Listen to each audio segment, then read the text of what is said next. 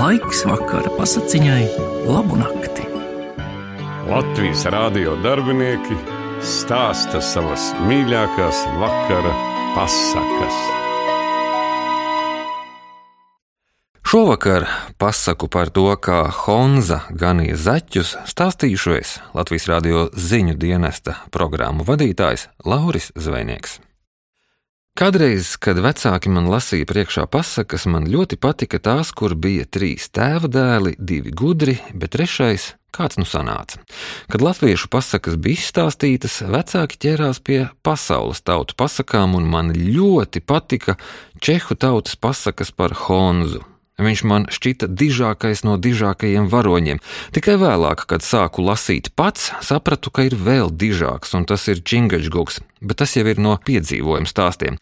Šajā reizē pasaka par to, kā Honza ganīja zeķus.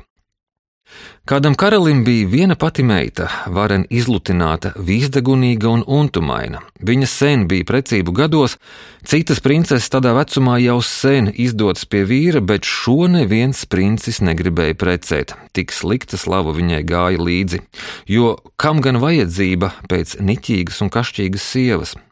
Taču princesei tas ķērās pie goda, ka viņas neviens neprec, un beidzot viņa bija ar mieru ņemt kuru katru, lai tikai nebūtu jāpaliek vecmeitās. Viņa pierunāja arī tēvu, tas necēla nekādus iebildumus, jo gribēja tikai vienu, lai znots būtu godīgs.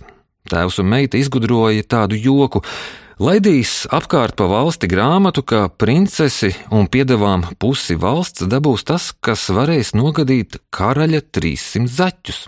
Zaķi rāmi, ganīšana grūtības nesagādās, bet gana godīgumu karalis pārbaudīs. Tai pašā valstī dzīvoja kāds nabaga linu kulstītājs, kuram bija trīs dēli. Kad ziņneši apstaigāja visas pilsētas un ciemus, bungas izdama un lasīdama karaļa grāmatu, viņš sacīja vecākajam dēlam: Paklau, Pepika, kā būtu, ja tu izmēģinātu roku pie tiem zaķiem? Princese gan mums saimniecībā bijusi nebijusi, bet puse valsts nav zemē metama manta. Jādomā, vismaz labi pēduši būsim. Nu jā, tēt, bet eh, tai grāmatā bija arī sacīts, ka tam, kas zeķus nenoganīs, uzskaitīs 15. Taču pamēģināt var. Pepiks aizgāja uz pili un pieteicās par zaķu ganu. Karalis saskaitīja zaķus, atvēra vārtus un izlaida garaušus ganos.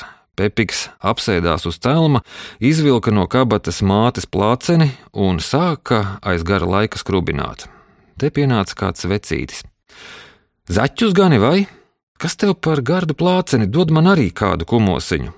Lasies projām un nebāzies virsū, Pepiks atcirta. Nu, nu, pielūko, ka vari noganīt, vecītis noteica un pazuda kā ūdenī iekritis. Pievakarē Pepiks grasījās dzīt zaķus uz mājām. Te pienāk kāds pauninieks, tas bija pats karalis, un saka: Pārdod man vienu zaķi, došu zelta dalderi. Tev viņu tik daudz, ka to nemaz nemanīs, vai tur viens vairāk vai mazāk. Pepikam iekārojās daldera, viņš pārdeva arī, un pauninieks aizgāja. Pepiks pārdzina zaķus, karalis skaita, viena trūkst. Tu esi nolaidīgs gans. Bikses nost, gulsties uz sola un saņem savus 15.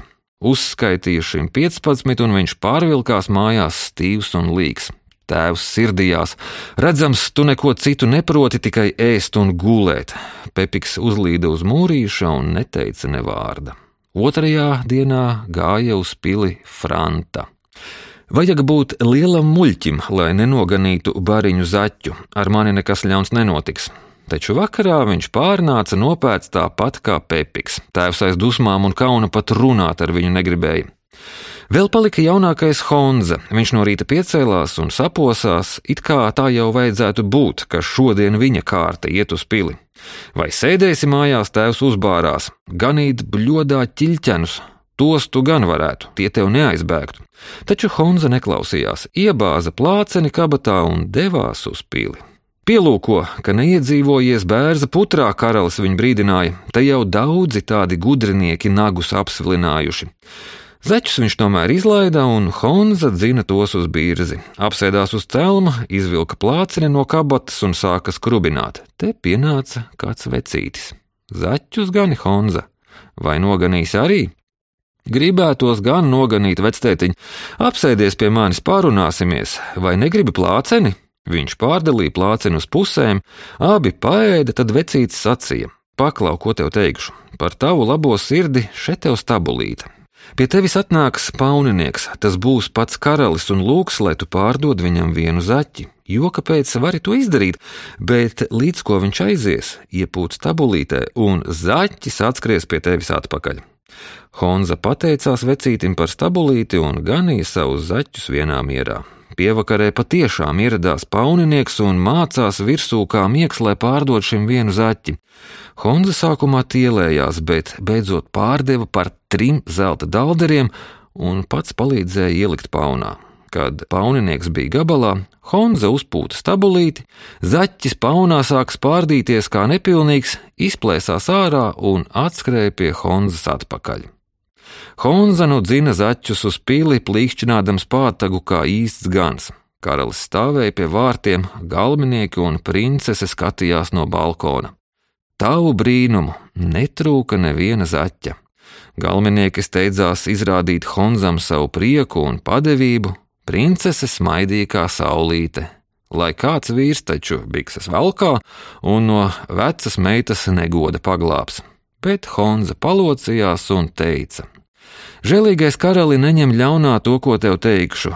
To tavu pusi valsts man nepavisam negribas. Es labāk nopirktu māju uz laukiem. Princese lauku sētā ir lieka, ne viņa māk desas dēt, ne zosis plūkt un pēļus taisīt. Dod man labāk maisu naudas. Princese aiz kauna un dusmām nezināja, kur sprukt, bet karalis bija laimīgs, ka tika vaļā no Honzas, kas viņu bija izmuļķojis. Viņš iebēra Honzam maisu naudas, un Honza devās svilpodams pie savējiem.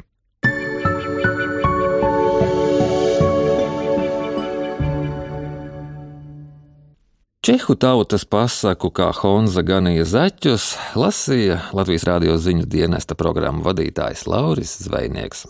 Ar labu nakti!